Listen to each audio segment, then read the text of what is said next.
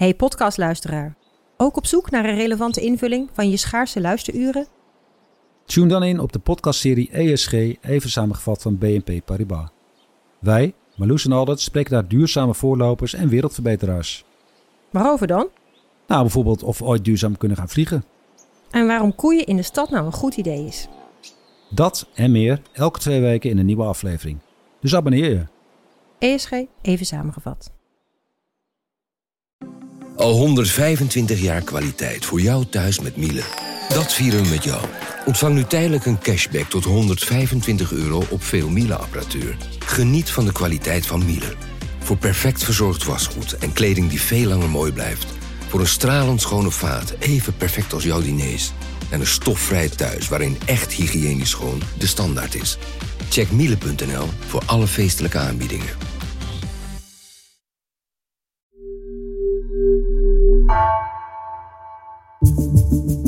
Vanaf de redactie van NRC het verhaal van vandaag. Mijn naam is Gabriella Ader.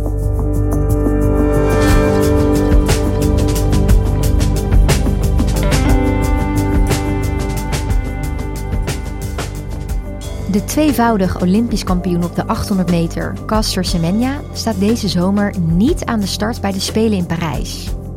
De renster mag al 4,5 jaar niet meedoen aan wedstrijden vanwege haar verhoogde testosteronlevel.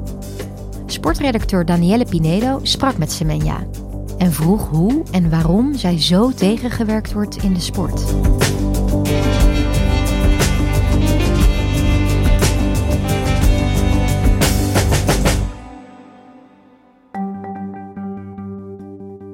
Het meisje dat ik was toen ik op het vliegtuig naar Berlijn stapte, gelukkig, grapjesmakend, onschuldig, gretig, hoopvol, zij was verdwenen op de terugweg.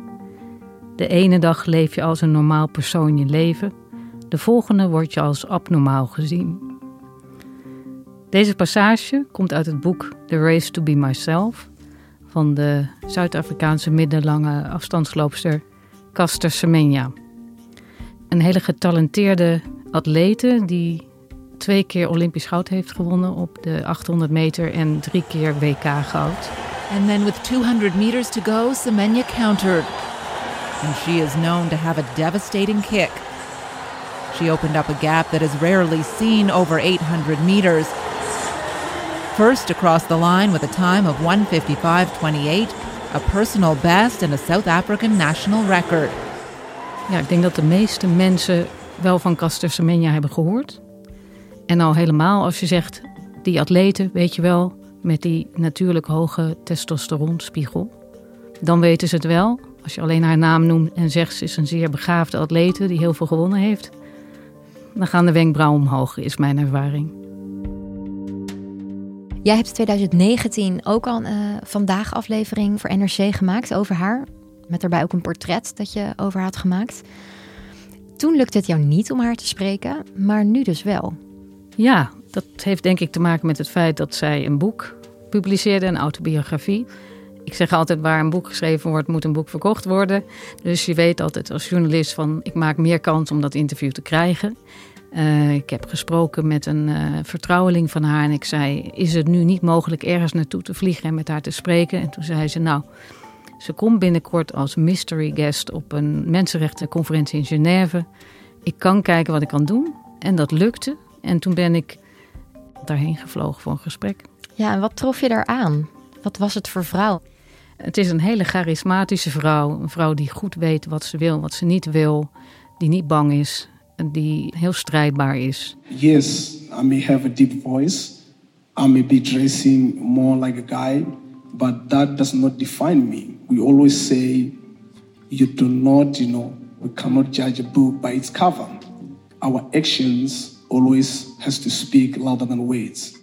Die een heel kwetsbaar persoonlijk boek heeft geschreven over seksualiteit, over het lichaam, over mensen die het lichaam aantasten.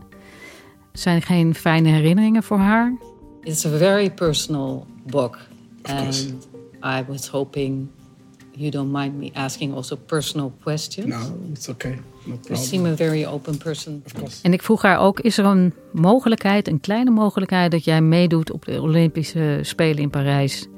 En ze zei: nee, ik mag al 4,5 jaar niet rennen.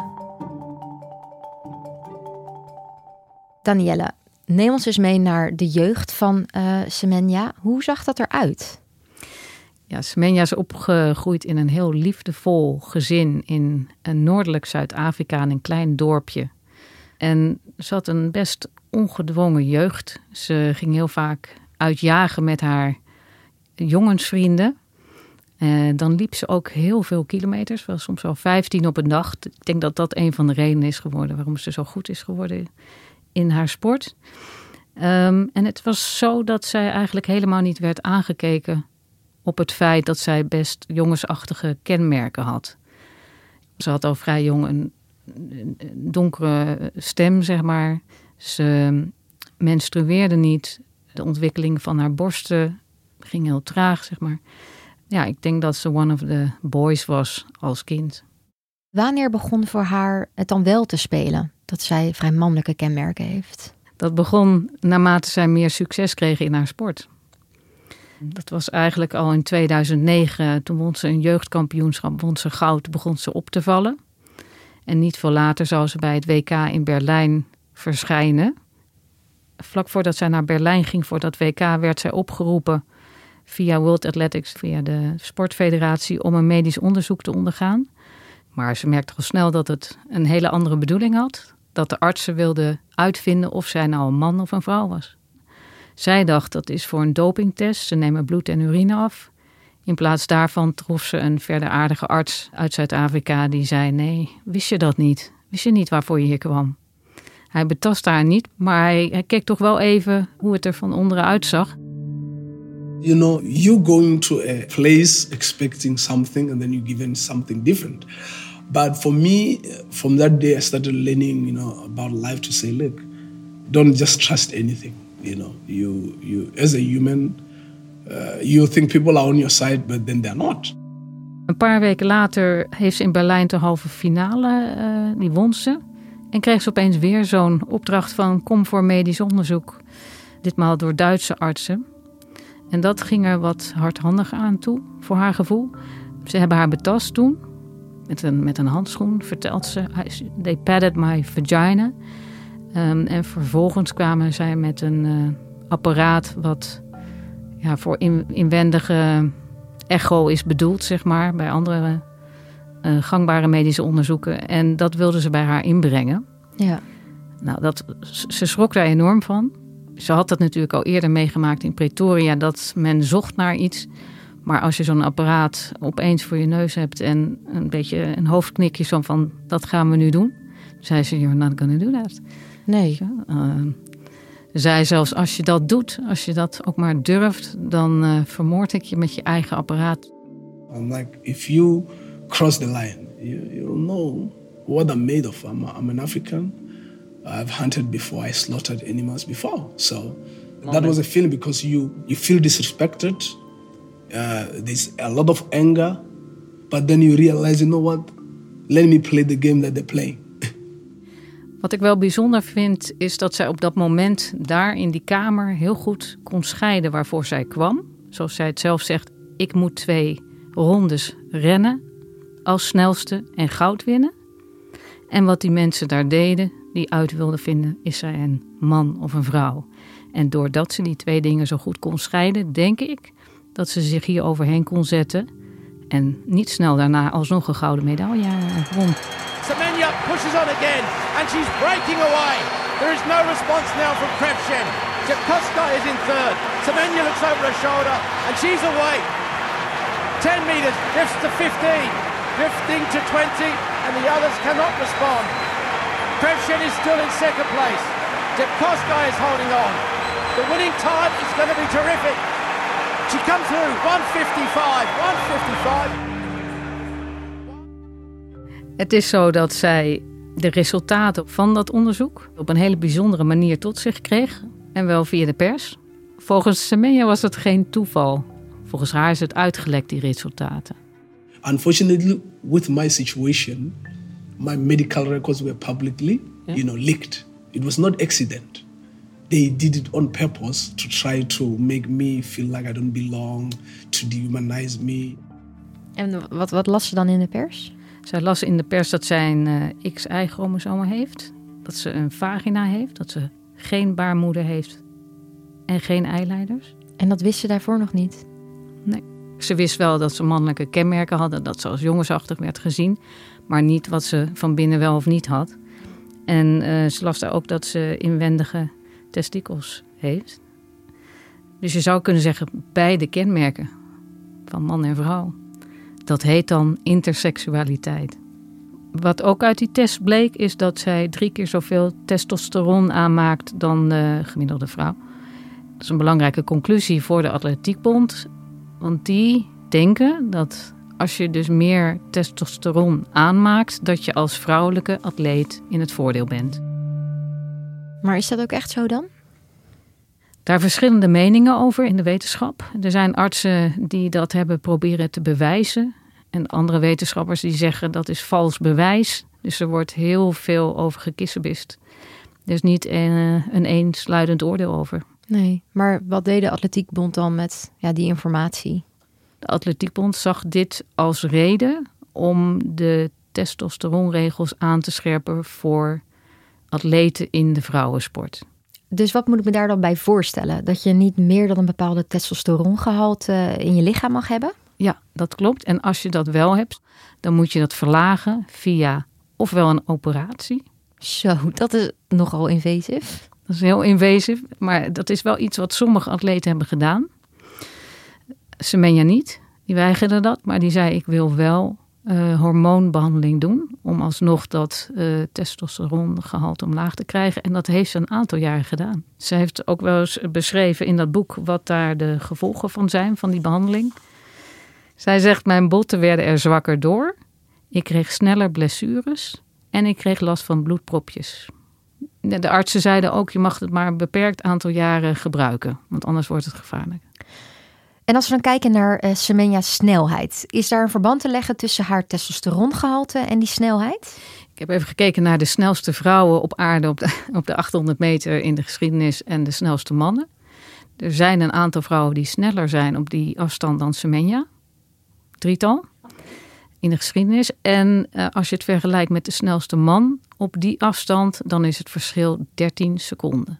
En in de atletiek is dat echt een heel groot verschil, toch? Een enorm verschil. Dat is onoverbrugbaar. Dus wat concludeer je daar dan uit? Het lijkt mij heel moeilijk voor Semenya uh, om bij de mannen mee te doen. Dan maakt ze geen schijn van kans. So I always tell people that for me I could have respected if I was running men's time. Mm. You know, and say I'm running 141 over 800 meters. Mm-hmm. That's a huge gap. Yeah. It's like uh, no one can cover it. But I'm I'm just a woman, just like any other woman. My difference is that because I'm born without a uterus, I, I was born with a, a disorder. That's what I would say. Wat zijn de gevolgen geweest voor Semenya's sportcarrière? Ja, die heeft daar heel erg onder geleden. Sinds 2009, toen dit begon, heeft ze soms wel mee kunnen doen, soms niet. Dat had te maken met zaken die werden gevoerd bij het sporttribunaal of bij andere instanties. Uh, waar ze al dan niet in het gelijk werd gesteld. Dus die sportcarrière werd steeds onderbroken. En als zij niet weer die hormonen ging slikken, dan kon ze niet meedoen. Wat is dan ja, eigenlijk het beleid van die Wereldatletiekbond als het gaat om uh, testosteron en intersexe personen? Ja, zij blijven er dus bij dat hoe hoger die productie van testosteron, hoe meer je in het voordeel bent als vrouw. Dus ze hebben verschillende regels daarvoor gehad, maar het komt er allemaal op neer dat dat gereguleerd wordt en dat je als vrouw dat naar beneden moet krijgen als het te hoog is. En dat je geweerd wordt als je dat niet doet. Afgelopen voorjaar toen besloot World Athletics om de regels nog wat verder aan te scherpen. Um, dus eerst was het golden die testosteronregels voor een aantal afstanden. Nu zeggen ze voor alle afstanden. Waardoor nog meer intersexe atleten in de problemen komen. Uh, een daarvan is bijvoorbeeld de 19-jarige Namibische sprinter Christine Moba. Die zilver won uh, op de 200 meter tijdens de Olympische Spelen van 2020 in Tokio. Zij kan hierdoor, door die aanscherping, niet meer rennen. Dus dat het onderwerp nog steeds actueel is, ja, dat blijkt hier wel uit. Voor veel Zuid-Afrikanen is dit geen genderkwestie, maar is dit een raciale kwestie. Zij zeggen: het feit dat vrouwen als Semenya, intersexe vrouwen, er steeds uit worden geplukt door World Athletics, dat is geen toeval. En zelf ervaart Semenya het ook zo. Zij zegt het heel mooi in haar boek. Ze zegt: In mijn cultuur wordt geen gender aan mensen toegewezen. Ze leven hun leven en besluiten voor zichzelf welke gender het sterkst aanwezig is in hun ziel. In andere culturen fixen artsen kinderen die zowel mannelijke als vrouwelijke kenmerken hebben. Maar in onze cultuur geloven we niet in chirurgische ingrepen voor dit soort kinderen.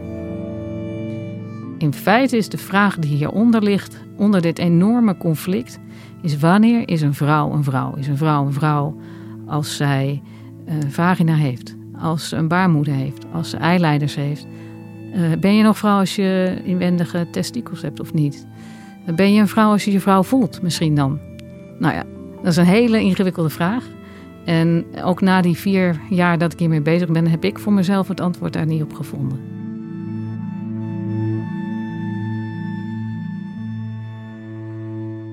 Nee, jij niet. En, en Castor Semenya dan? Wat, wat is haar antwoord op die vraag? Zij heeft uh, in het boek zegt ze zelf: Ik heb een vagina, geen penis. Ik heb geen adamsappel. Ik heb borsten. Ik ben geboren en getogen als een meisje. Einde discussie. That's what matters the most. Because you are. I'm not going to change to be a different woman because of someone. I'm born with my differences. I embrace it. Semenya spande zelf ook een zaak aan bij het sporttribunaal CAS een aantal jaar geleden. Die kwamen naar Langwik en Wegen met een uh, volgens velen wonderlijke uitspraak. Die zeiden de, de regels van die sportfederaties zijn discriminerend, maar op basis van het door beide partijen geleverde bewijs is discriminatie een noodzakelijke, redelijke en proportionele manier om het doel te bereiken. En dat doel van die Wereldatletiekbond nou, ja. is om de integriteit van de vrouwenatletiek te bewaken. Maar hoe reageerde uh, Semenya hier dan op? Ja, die dacht, hoe kan het? Hoe kan het dat iets discriminerend is, maar dat het toch doorgang moet vinden? voor de bescherming van de sport. Hoe word ik dan nog beschermd als vrouw? Ja. Is discriminatie ondergeschikt? Nou, zij liet het er weer niet bij zitten. Ze is vervolgens gestapt naar het Europees Hof voor de Rechten van de Mens. Dat is een van de laatste stappen die ze nam. En die stelde haar in het gelijk en die zeiden: Het is inderdaad discriminerend wat hier gebeurt. Maar ze zeiden ook: We gaan nog één stapje hoger naar onze grote kamer, dus de top van de top. Daar is het niet zo lang geleden terecht gekomen en die broeden nog op een uitspraak. Dus dat is nog niet bekend.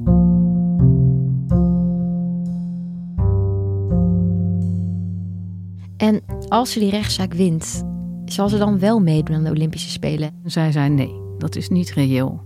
Het is niet reëel als je 4,5 jaar niet gerend hebt, competitief, om dan zomaar even naar de Spelen te gaan.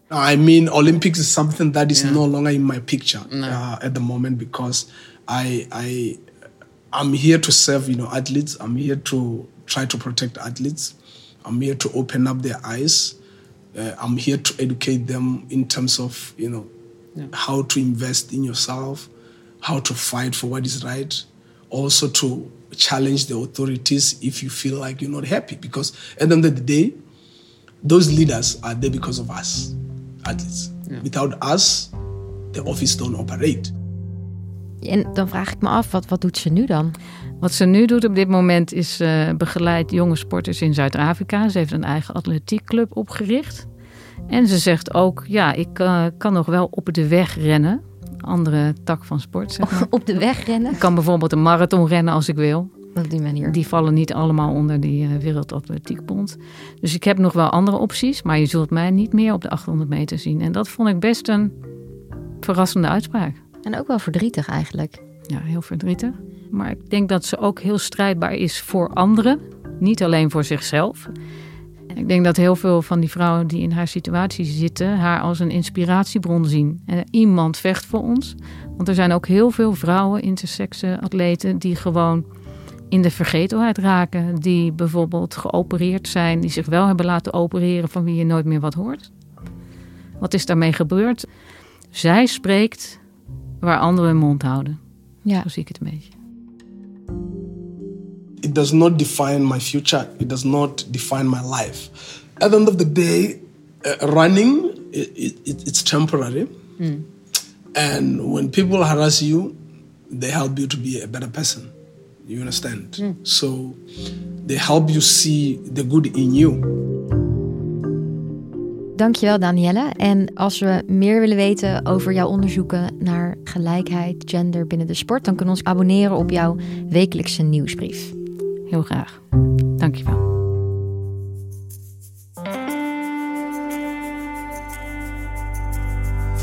Je luisterde naar vandaag, een podcast van NRC. Eén verhaal, elke dag.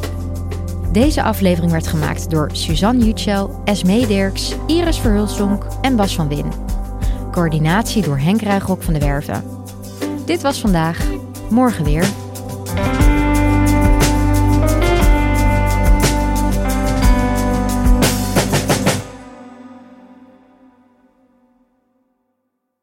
Technologie lijkt tegenwoordig het antwoord op iedere uitdaging. Bij PwC zien we dit anders. Als we de potentie van technologie willen benutten, kunnen we niet zonder een menselijk perspectief. Human-led, tech-powered noemen we dat. Ga naar pwc.nl.